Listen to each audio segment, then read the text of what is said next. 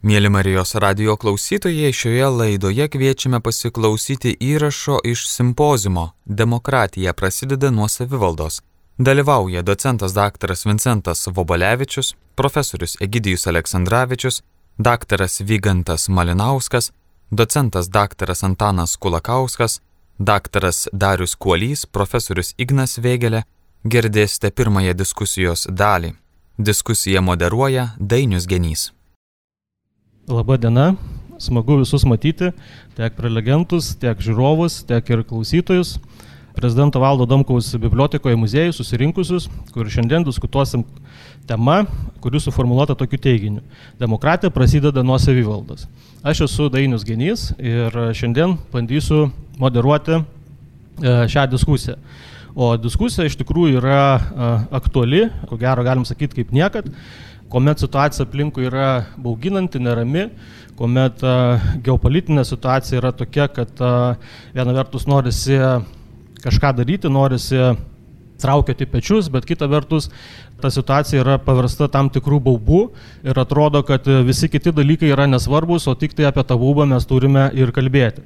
Štai visai nesenai interviu vienam iš dienraščių žymi JAF politologija Anne Applebaum paklausta, ką jinai mano apie Rusijos visuomenę, jinai atsakė tokiu apibendrinimu.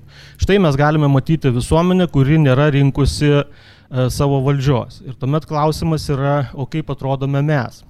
Šiandien, kur pažvelgsi, visur yra noras e, apsivalyti nuo sovietinių reliktų, bet e, savivaldos tema yra tarsi tabu. Tarsi niekas nenori e, į tai eiti, tai niekas nenori apie tai kalbėti, nors tuo metu didieji, sakyčiau, išeiviai, e, žinomi mūsų žmonės, Greimas, Štromas, Kavolis, anuomet kalbėdami apie kokie bus didžiausias pastai besivaduojančiai iš komunizmo Lietuvai, e, būtent ir įvartino, kad biurokratizmas ir noras valdyti bus e, vienas iš, e, iš svarbiausių turbūt aspektų, kurį mums reikės įveikti kaip visuomenė. Tai šiandien toks diskusijos ir tikslas yra ieškoti atsakymo į klausimą, kokio reikia savivaldos modelio, kad išliktume kaip demokratijos valstybė. Žiūrėdamas į prelegentų sąrašą. Džiaugiuosi, kad šiandien išgirsime ir, ir, ir kultūrologinių, ir teisinių, ir politologinių, ir istorinių argumentų. Ir galbūt ir pradėsiu nuo prašydamas trumpai pasisakyti iki 10 minučių Vincentą Vobulevičių, daktarą, docentą, politologą. Prašau, Vincentai, pirminės pradinės išvalgos šią temą, ką Jūs manot Ačiū mielas Dainiau, ačiū mėly kolegos, labai malonu yra būti šioje kompanijoje, kalbėti tikrai svarbia tema. E, jokia paslaptis, kad e, daugelis gyventojų, ne vien Lietuvoje, bet ir kitose Europos šalise, reiškia nuomonę, kad e, gyvenam demokratijos deficito laiku. Valdžia atitolusi, neįgyvendina to, ko iš tikrųjų nori žmonės ir visada jaučiamas iš tiesų demokratijai pavojingas susipriešinimas tarp piliečių ir valdžios. Klausimas, ką dėl to daryti. Be jokios abejonės, čia jau yra Charistomatiška savivalda yra pagrindinis priešnodis tokioms nuotaikoms, tokiems pavojams. Kodėl? Demokratijos pagrindinė įda nėra blogai užrašyti teisės aktai, nors ir tai yra svarbu ir nebejoju teisininkai ginčys tai, kas čia teigiu. Tačiau netgi jeigu ant popieriaus yra tikrai skaidrus rinkimai ir jie skaidriai vyksta, netgi jeigu ant popieriaus yra nepriklausoma žiniasklaida ir politikai tikrai nesikiša į žiniasklaidos rolę, Demokratija turi rimtų problemų, jeigu realūs galios resursai šalyje bus labai koncentruoti. Įsivaizduokime šalį, kur ant popieriaus yra iš tiesų teisingos rinkimų taisyklės, žiniasklaida tikrai nepriklauso nuo politikų, tačiau visi darbuotojai dirba vienai įmoniai. Žinoma, tokia šalies nėra, čia tik hipotetinis pavyzdys, tačiau labai akivaizdu iš šio pavyzdžio, kad tos įmonės vadovas turėtų žymiai daugiau galius politikoje negu įmonės darbuotojas. Vakaruose per pastaruosius 30-40 metų matome gana stiprų kapitalo žiniasklaidos ir kitų svarbių demokratijos stakeholderių, jeigu galima sakyti, koncentravimasi. Tiek Junktinėse valstijose, tiek Vokietijoje, tiek Atleiskit Vokietijoje, ne, Vokietija yra įdomi išimtis. Tiek JAV, tiek Prancūzijoje, tiek Didžiojoje Britanijoje įmonės stambėja ir bendras įmonių skaičius mažėja, jeigu kalbėsime apie akcijų biržose listinguotas įmonės. Didžioji spauda klesti, New York Times ir panašus, regioninė spauda merdi. Lietuvoje, kadangi turim mažą šalį, mažą rinką, atvirą šalį, savai mes suprantame, turime taip pat aukštą koncentraciją. Ir tokios aukštos koncentracijos akivaizdoje nenostabu, kad kyla jausmas, kad nesvarbu ar valdžioje viena ar kita partija, linija bus išlaikyta. Ir čia mes galime kalbėti apie tą patį darbo kodeksą, apie kurį daug kas dabar jau pamiršo, tačiau realiai liberalizuojantį darbo kodeksą priėmė socialdemokratų valdžia ir vėliau pabaigė Saulius Kvernelio vyriausybė, kurie, kaip žinia, už žmonės ir už darbininkų teisės ir panašiai ir taip toliau. Čia yra tik vienas iš pavyzdžių, galima jų būtų rasti tikrai daugiau. Kuo savivalda šiuo atveju gali padėti, kovojant su įsitikinimu, kad mūsų valstybė nedirba mūsų žmonėms? Paprastas dalykas - savivaldoje yra mažesni masteliai. Ir dėl to mažesnis piliečių grupės, mažesnis verslas, vietinė spauda gali turėti didesnį poveikį politinių sprendimų turiniui. Tai tiesiog yra lengviau padaryti, nes masteliai mažesni, pinigai mažesni ir taip pat arčiau žmonių, žmonės turi daugiau tiesioginės informacijos apie tai, kaip tam tikros statybos, kaip tam tikri infrastruktūros projektai atsilieps jų gyvenimo kokybei, turi didesnę paskatą įsitraukti ir dėl to savivalda be abejo yra tas inkubatorius demokratijos. Tačiau čia yra labai makro mintis ir reikėtų eiti šiek tiek gilin, kaip padaryti, kad tai iš tikrųjų veiktų. Ir čia aš norėčiau aptarti du galimus aspektus. Vieną struktūrinį, kitą, sakykime, antikorupcinį. Struktūrinis momentas yra štai koksai. Lietuvoje virš 80 procentų rinkėjų nori, kad vyktų tiesioginiai merų rinkimai. Tiesiogiai, tiesiogiai renkamas meras Mano įsitikinimu nebus niekuomet premjerų savivaldybės, jisai bus panašesnis į prezidentą. Aš tą sakau su tam tikru uh, nepatogumu, kadangi ir prezidentas jisai nebus klasikinis amerikietiškas. Gausis labai įdomus uh, mišinys. Iš vienos pusės turėsime žmonių išrinktą merą, kurio lengvai neatstatydinsi ir į kurį sudėtos reikšmingos gyventojų viltis. Iš kitos pusės turėsime savivaldybės tarybą, kurie sudarys politinės partijos visiškai nepanašios į prezidentinės, sakykime, jungtinių valstijų partijas. Kuom jos bus nepanašios? Aukšta partinė disciplina. Vis dėlto gyvename parlamentinėje šalyje, mūsų partijos yra parlamentinės ir jos pažymi, pasižymi aukšta partinė disciplina. Taigi tokiu atveju mes galėtume turėti, jeigu rinktume kandidatą e, ir jeigu rinktume merą kaip e, premjerą, kaip žmogų, kuris vykdo savivaldybės tarybos valią, galėtume turėti situaciją, kur populiariai išrinktas žmonių palaikomas meras susiduria su disciplinuotomis, vieningai balsuojančiomis savivaldybės tarybos partijomis ir viena vertus negali įgyvendinti kampanijos pažadų, kita vertus neturi paskatos per nelik stengtis, kadangi jo iš posto lengvai neišmesi. Skirtingai negu premjera parlamentiniai sąrangui, kuri gali atleisti parlamentas bet kuriuo momentu prezidentą arba tiesiog rinktą merą, atleisti nėra lengva. Taigi realiai turėdami žmonių renkamą merą, kuris tuo pačiu metu yra vien tik vykdomosios valdžios atstovas ir neformuoja darbo tvarkės savivaldybės taryboje ir negali daryti poveikio savivaldybės tarybos sprendimams, mes dažnai užsiprogramuosim situaciją, kur mūsų meras bus žmonių lūkesčių šaltinis ir tuo pačiu metu žmonių nusivylimų šaltinis. Taigi pirma mintis, kalbant apie tai, kokį modelį rinktis, yra tai, kad mūsų modelis natūraliai bus hybridinis, mes turėsime į prezidentą panašų merą, kuris tuo pačiu metu bus varžomas disciplinuotos miesto savivaldybės tarybos. Dėl to būtina, kad meras, mano manimo, būtų savivaldybės tarybos narys, kad formuotų darbo tvarkę ir galbūt, galbūt netgi galėtų vetuoti šitos darbo tvarkės komponentus. Žinoma, su sąlyga, kad tarybos dauguma atitinkamą veto galėtų atmesti. Sprendimas įsteigti opozicijos lyderio poziciją postą yra, aš manau, sveikintinas, nes vis dėlto mundūras įpareigojo žmonių e, supratimas, kad štai šis asmuo yra atsakingas už mero ir daugumos priežiūrą būtų naudingas, bet tai mūsų jau veda į antrą temą, kurį norėčiau paliesti, būtent antikorupciją. Iš vienos pusės aš ką tik sakiau, kad reikalingas stiprus meras, kad nebūtų sukelti gyventojų lūkesčiai, kurie vėliau bus nepateisinti. Bet natūraliai tas stiprus meras galėtų norėdamas išlikti valdžioje, norėdamas uh, pasipelnyti, pradėti elgtis netinkamai ir iš vidaus diskredituoti demokratijos uh, sampratą savivaldybėje. Kaip tai galėtų atsitikti? Nors be jokios abejonės mūsų daugiamandatė rinkimų sistema leis savivaldybės taryboje būti daug partijų arba visuomeninių komitetų, Tačiau tik tai kai kurie iš jų bus pajėgus turėti kandidatus, kurie gali laimėti mero rinkimus. Natūraliai turėtų formuotis blokai - mero partija ir ją palaikančios mažesnės partijos. Kito potencialaus mero partija ir ją palaikančios mažesnės partijos. Tai šiaip yra gana įdinga struktūra, nes literatūroje yra kalbama, jog partijos, kurios neturi vilties formuoti vykdomąją politiką, realiai eina į valdžią išsimušinėti savo naudos. Mes palaikome merą mainais į mums naudingus sprendimus. Ir tai yra įdinga. Dėl to labai svarbu, kad būtų kovojama su korupcija. Šioje vietoje yra keli momentai. Vienas dalykas yra patronažas, tai yra administracinių resursų naudojimas, kad išliktum valdžioje, įdarbinant per nelik didelį žmonių skaičių. Šiuo atveju aš 17 metais publikavau studiją, kuri tuo metu lygino Lenkijos ir Bulgarijos rezultatus. Lietuvoje dar nebuvo nebuvo tiesioginių merų rinkimų, tai labai akivaizdžiai matoma, kad tie merai, kurie atstovauja, sakykime, žemesnio ekonominio sluoksnio rinkėjus, tikrai pasirodo geriau, jeigu įdarbina labai daug žmonių savivaldybės administracijai. Bet taip prieštarauja demokratijos dvasiai, tai iš esmės yra patronažas ir reikėtų ieškoti būdų, kaip jį spręsti. Literatūroje dėje gerų būdų apie tai su to kovoti daug nerasime. Jie pavyzdžiai rodo, kad daugelį rytų Europos šalių pastangos mažinti viešojo sektoriaus apimtis savivaldybėse nebuvo sėkmingos ir kokius jūs buvo, tokius liko.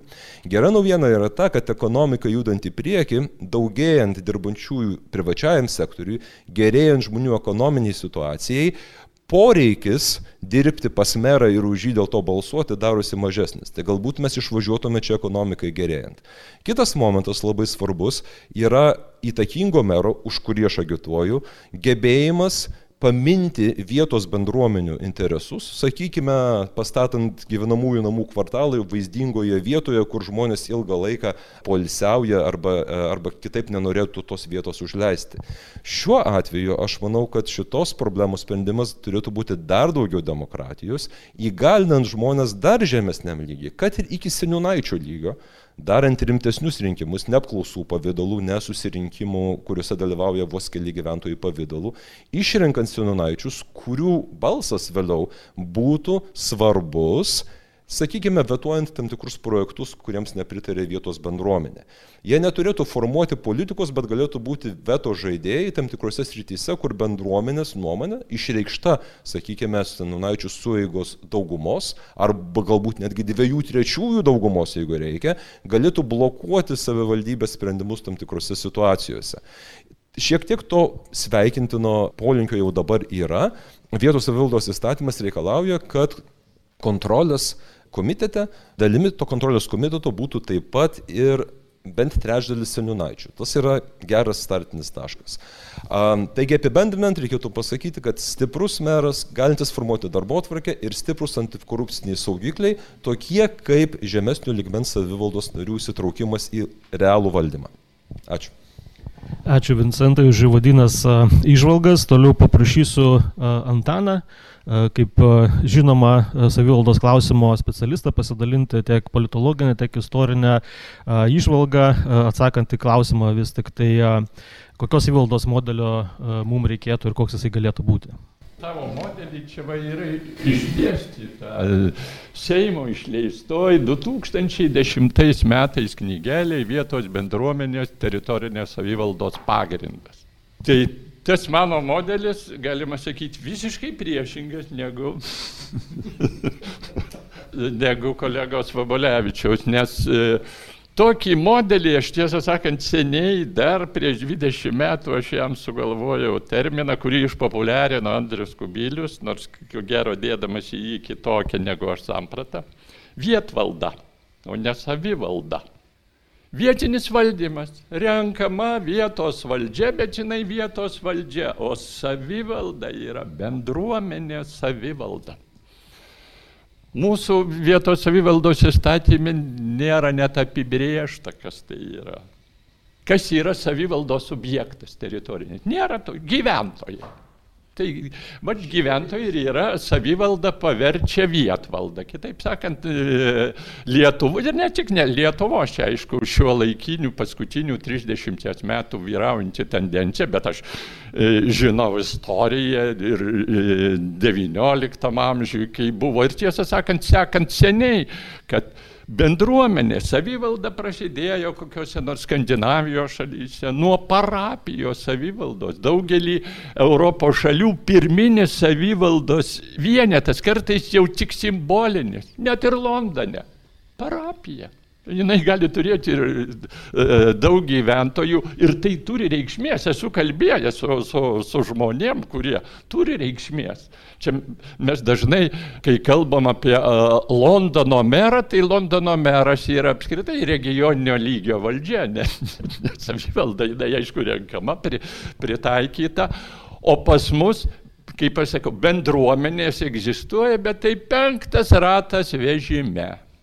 Dėl to savivalda, e, vadinama savivalda, vietos valdžia savo, jinai turi aptarnauti gyventojus, o bendruomenė, nu, bendruomenės aktyvas, tai ką mes vadinam bendruomenėm teritoriniam, tai irgi yra vietos veiklos grupės, o ne bendruomenė kaip, kaip tokia.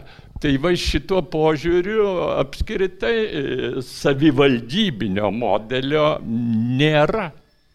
Jis yra e, vietos valdžia. Ir kaip keisime vietos valdžią ir valdymą, kad tai būtų, kaip čia geriau tenkintų gyventojų interesus, o ne kad gyventojai patys ne tik tai išrinkdami valdžią gyventojai arba jų aktyvioji dalis, nes visi niekada niekur neįsijungia ir ne, neįsijungs, jų aktyvioji dalis, o tokia dalis yra, ne per jėgą galėtų dalyvauti tų interesų, kurie susiję su gyvenimu tam tikroj vietoj tenkinimu. Kaip žinia, e, e, savivaldybėm yra deleguoti ir vietos valdžios sprendimai, kurių, ne, nu, apskritai, savivaldybės yra ir vietos valdžia kartu, bet savivaldybės ne vien vietos valdžia turėtų būti, jeigu jos e, tikros savivaldybės. Tai e, nesileidžiant toli, nes aš aišku, tuo, kaip sakant, pulsiu paskaitos skaityti, tai e, gal konkretybės. Šiaip ar taip e, Lietuvoje jau ko gero dabar nediskutuotinas dalykas, tiesiogiai renkamas meras, nors dar čia rašiau, kad galima diskutuoti, tada dar, dar buvo svarstomas tas klausimas, bet jis jau tapo kaip čia sakyti, dominuojančių viešojo politinio gyvenimo principų ir patys politikai. Tik tai svarstys, kokias galės jam, ko, ko, e, suteikti, koks santykis su, su kitom valdžios e, vietos valdžios struktūrom tik tokius, o rinkti ar nerinkti, jau klausimas nekyla, nors tiesiogiai renkamas meras Europoje yra vis dėlto mažumoji valstybių, labai nedaug ne kur ir, ir daugiausiai beje postkomunistiniuose kraštuose. Tas e, dominuojantis Europoje modelis yra tas modelis, kuris buvo iškart po nepriklausomybės paskelbimo. 90 metais. Jis buvo iki, iki, iki kol LDDP pakeitė tą įstatymą 95 metais neįgyvendinusi teritorinės administracinės reformos, nes mes uždėjom savivaldą ant antro aukšto sovietinio teritorinio administracinio suskirstimo. Ir, nu, ir, taip ir liko. Vienas savivaldybės e, lygmuo yra tik tai, e, ko gero, Lietuvoje ir Maltoje. Daugiau ne vienoje ES šalyje to, tokio dalyko nėra. Ir dėl to daugybė net ir paprasto uh, valdymo ar menedžmento dalykų darosi problemiški. Kaip išdėstyti ligoninių tinklą, gimnazijų, koks gimnazijų ir progimnazijų santykis čia su su praktiškais dalykais. Būtų du lygmenys, iš karto įsisprendžia šitie klausimai, tarsi autonomiškai, bet automatiškai. Bet dabar apie merą tiesiogiai renkama ir, ir taryba.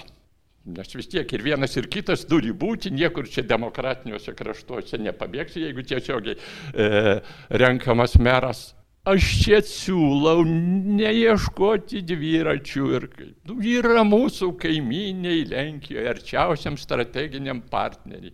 Jau, jau 20 metų veikiantis, tiesiogiai renkamom.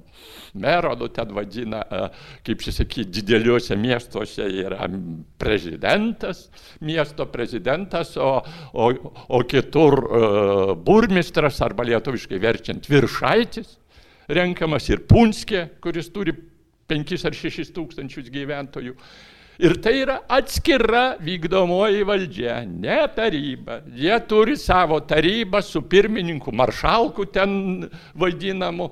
Tik tai, va jeigu įsivaizduojam, kad e, meras su dabartiniam funkcijom, koks dabar arba dar pridėjus jam administracijos direktoriaus funkcijas ir paliekant tokias pačias funkcijas tarybai, aišku, toks modelis, nu, tik pjautinės, nieko, nieko kito nebus, bet tai, nu, galima pasižiūrėti, kad, kad iš esmės visa operatyvinė, visas operatyvinis valdymas pereina į mero tiesiogiai renkamo ir jo komandos rankas.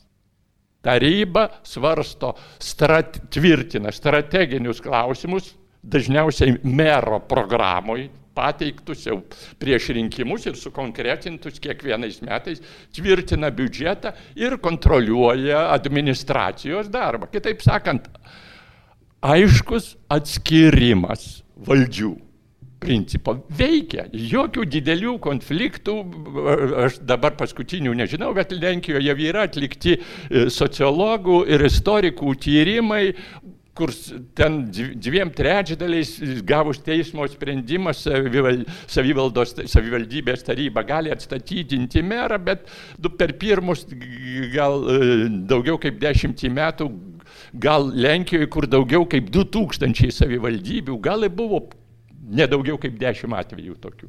Ir neatstatydino dažniausiai.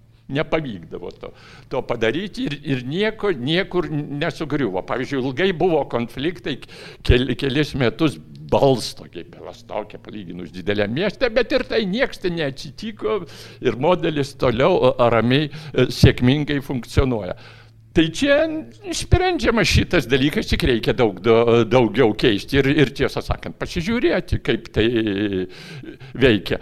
Kita vertus, mūsų savivaldybės yra, va tas pirmas lygmo savivaldos yra per didelės, kad jos kaip vieningas centralizuotas vienetas galėtų veikti. Iš tikrųjų, savivaldy, savivaldybės tarybo jokiai bendruomenė ir neatstovaujama. Yra deleguojama per rinkimus, deleguojama teisė valdyti. O, o norinčių, nu kas nors klausė gyvenu pavilny. Yra tenai bendruomenė kaip vietos savivaldos grupė. Nu, prieš rinkimus atvažiuoja būsimi kandidatai pašnekėti, kur, kur ten vyksta dėrybos, ar čia bibliotekai, vietos bibliotekai e, bus suremontuota, ar nebus, ar kurios dvi e, gatves kokias dvi išasfaltuoti, nors e, vienas prašo, kitas kartais išasfaltuoja, nežinia dėl ko. Bet čia kitas klausimas. Tai yra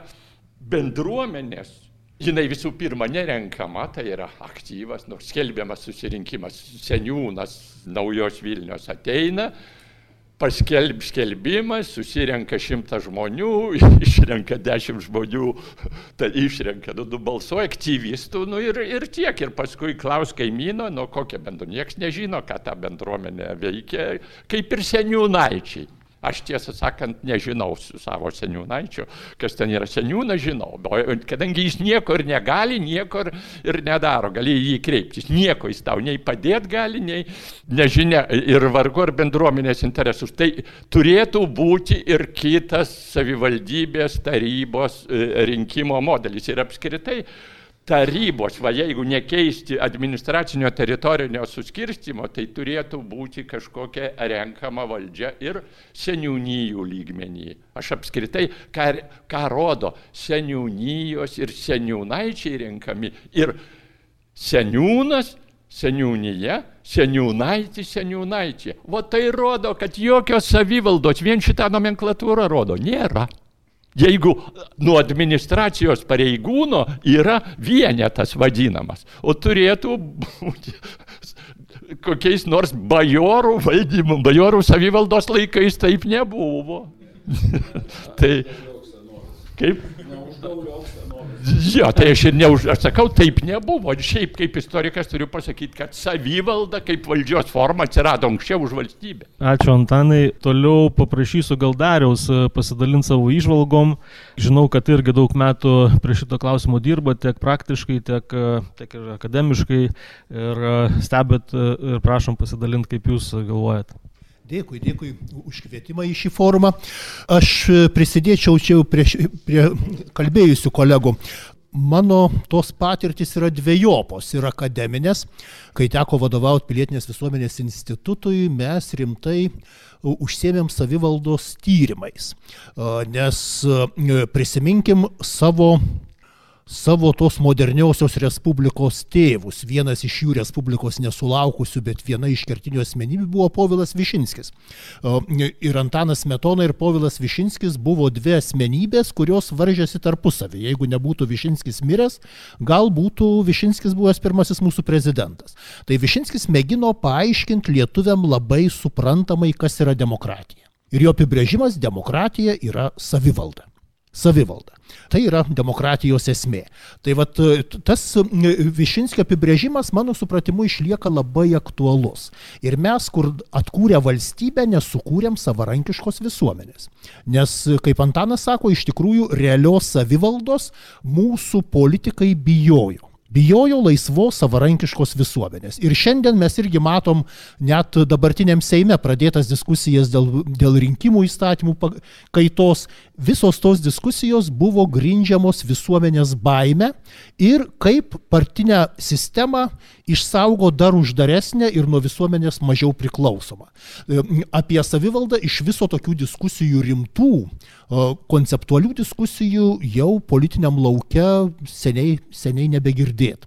O pilietinės visuomenės institutas lygiai prieš 15 metų yra atlikęs rimtą tyrimą. Mes tada turėjom pinigų, išleidom pinigų ir visuomenės apklausom, ir, ir kokybinėm, ir kiekybinėm, ir du rimtus mokslininkus buvom pasitelkę. Jurgita Mačiulytė, e, dirbančią Prancūzijoje Lietuvaitė, kuri kaip tik e, savivaldos modelius tyrinėjusi Europoje buvo ir, ir, ir Prancūzijoje dirbanti, man atrodo, iki šiol, ir daktarą Petrą Ragauską, du daktarus. Jų išvados.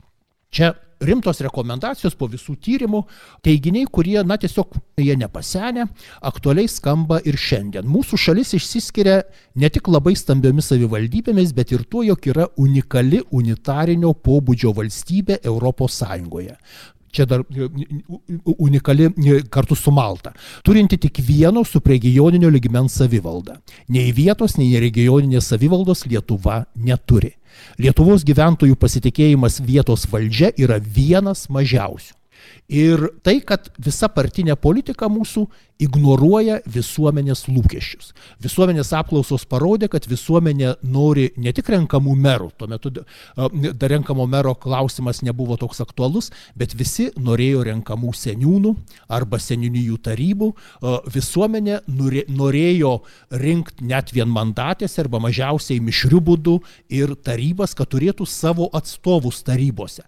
Partiniai sąrašai neužtikrina to tiesioginio ryšio. Pasižiūrėkit, mes Lietuvoje turim iš esmės vienintelį prezidentą, kurį renkam tiesiogiai, ar ne?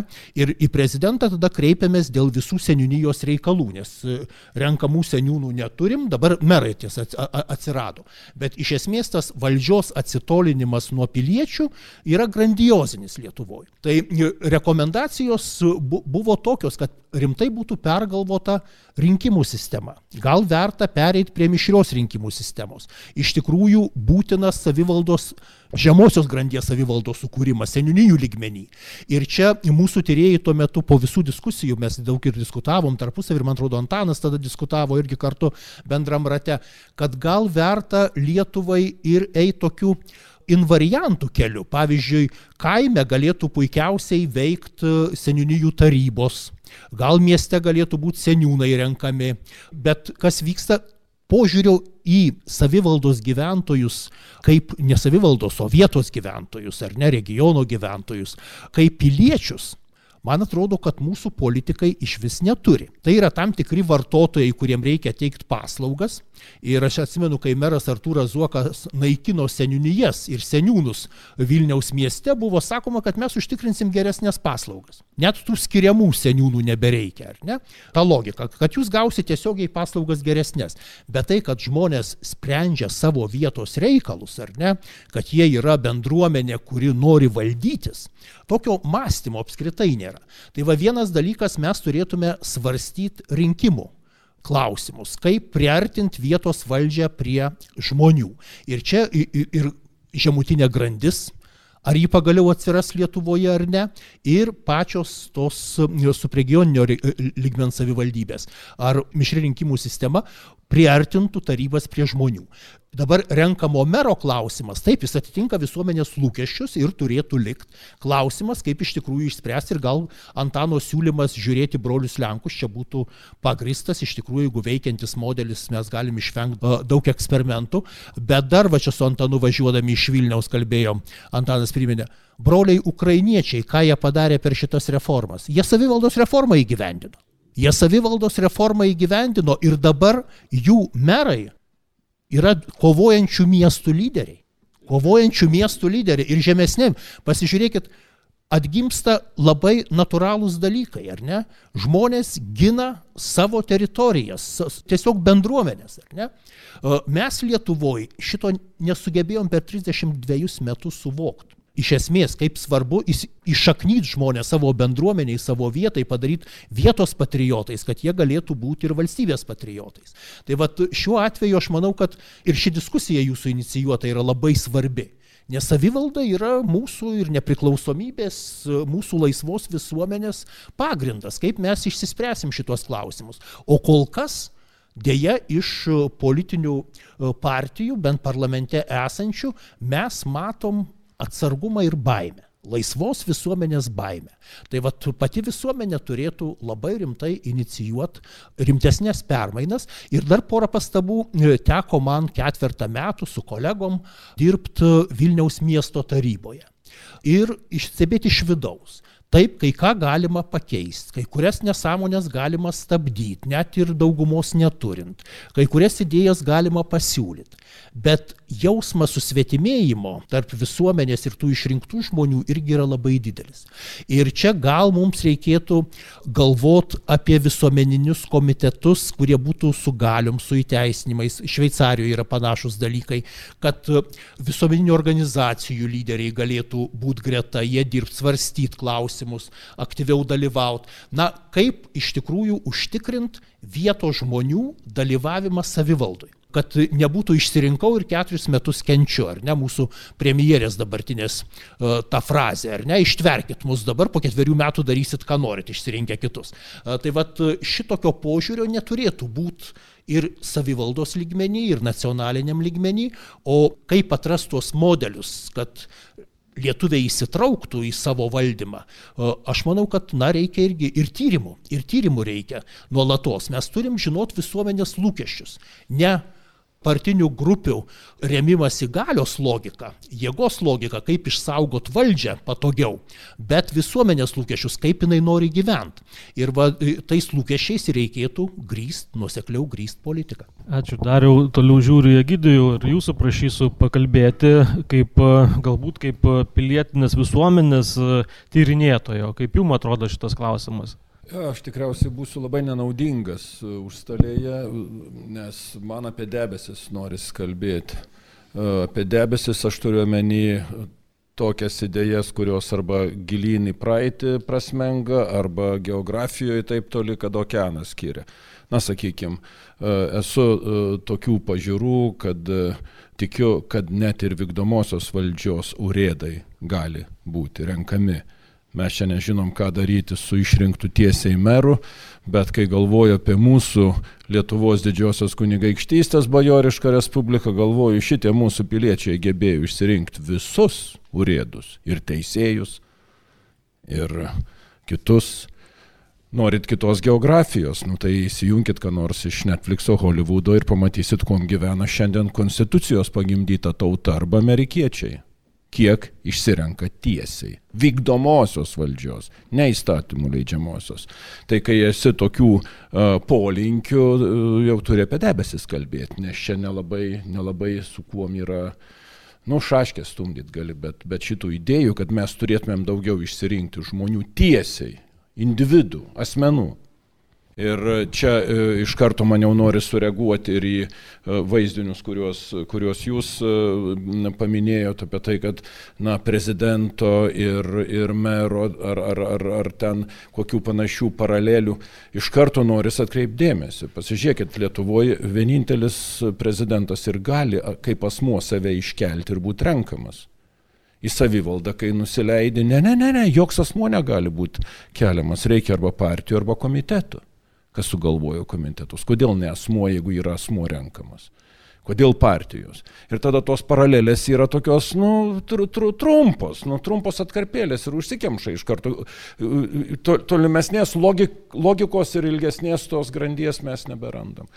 Tai aš čia jau reaguoju į tai, ką girdėjau, o ne, ne tiek į, pasakoju tai, ką buvo apmastęs. E, e, pono daktaro e, Dariaus Kuolio pastebėjimas su ta, ką ukrainiečiai, ukrainiečiai savyje atranda. Čia šviežiai tokį komentarą buvau parašęs, tai pasitikrinkim, kiek Ukrainos mumise plevesuodami tom dvispalvėm vėliavytėm ir, ir rodydami savo solidarumus. Kiek ruso mumise, o kiek ukrainiečių. Pagal šitai. Ten yra atkreiptas dėmesys į tokias bjaurastis, žinai. Ir iš čia aš atvedu, atvedu prie to, ką buvau pasiruošęs pasakyti. Esu rašęs taip pat, bet, bet tuose trumpuose komentaruose, kurie yra labai patogus už, užmiršti. Man atrodo, kad klausimas, kurį dabar svarstom, jis yra tam tikrą prasme unikalus. Todėl, kad per 30 metų šitoje plotmėje buvo nepaprastai daug labai kvalifikuotų diskusijų, konferencijų ir net publikacijų. Ir kaip savivalda turėtų atrodyti nuo europietiškų dokumentų, nuo konvencijų iki kaimynų pavyzdžių, per 30 metų buvo daugybė atvejų.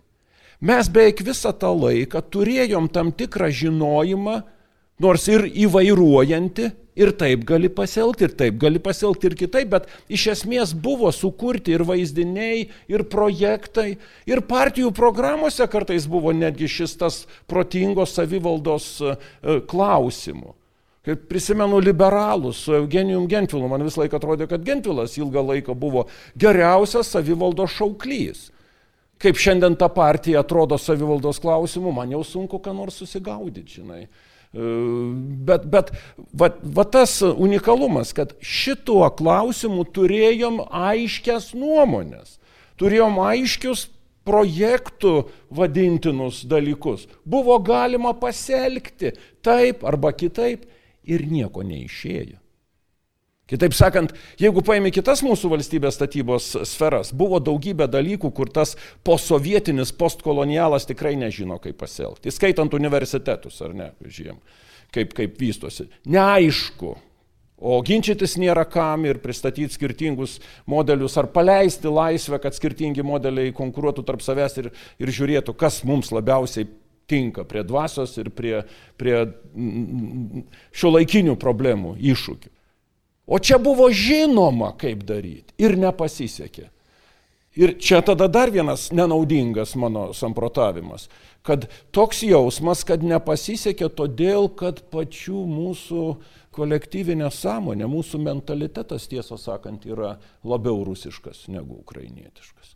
Kad, tiesą sakant, žmonės iš tikrųjų norėtų būti išrinkti ir valdyti, bet savivaldyti, save valdyti, įsitraukti, dalyvauti nežiūrėti tik tai kažkokios abstrakčios valdžios gerklę, kada ten e, kokią šypsenos grimasą ją iškreips.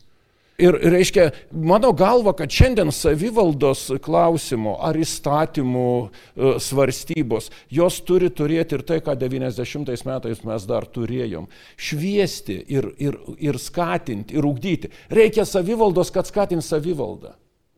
Reikia savivaldos, kad mes ugdytumėmės bent jau tokį jausmą, kokį ten e, Punsko e, giminoje kas nors gali parodyti, kai susirenka žmonės savo reikalus svarstyti. Profesorius Antanas Kulakauskas e, paminėjo šitą Lenkų atvejį, bet e, aš pasinaudosiu dar vienu kaimynų patirties žypsniu. Jei kas nors šiandien e, Lenkų intelektualinės aplinkos paklausinėtų, kas buvo didžiausias jų revoliucijos pasiekimas po 90-ųjų. Tai beveik iš visų pusių. Ir iš kairės, ir iš, des, iš dešinės išgirsit. Mūsų savivaldos suklestėjimas yra didžiausias mūsų revoliucijos laimėjimas. Estų Riutelis šitą pasakė minint dešimtmetį nepriklausomybės atvažiavęs į Vilnių, kad Nes aš labai abejoju, kad estų savivalda yra, yra savivalda. Tiek, tiek daug pagrindo tokiam optimizmui teikianti. E, Lenkų aš, aš kažkaip tikiu, kad taip ir yra, kad ir žmonės taip galvoja. Ir miestai taip, taip, taip jaučia savo, savo tą ritmą. Tai, tai džiugu, kad, kad diskusijos panašios rengiamos, norėtųsi galvoti, kad, kad mes tą pačią progą ir bandysim suprasti, kas mumyse verda, kas mumyse yra sustingę, kodėl iš tikrųjų tas, kas uh, savivaldiškumą į priekį varytų, dabar yra jau visiškai toli, toli nuo pačios valstybės, kažkokioj paraleliniai tikroviai, kur žmonės patys ima rūpinti savo kaimininių bendruomenių kažkokiomis iniciatyvomis, be jokios vilties, kad politinis sluoksnis šitą kaip nors supras, priims, atlieps, ataidės. Ir paskutinė frazė tik tai, kadangi, kadangi jūs daugiausiai minėjot politinį elitą, disciplinuotas partijas arba disciplinuotą savivaldą.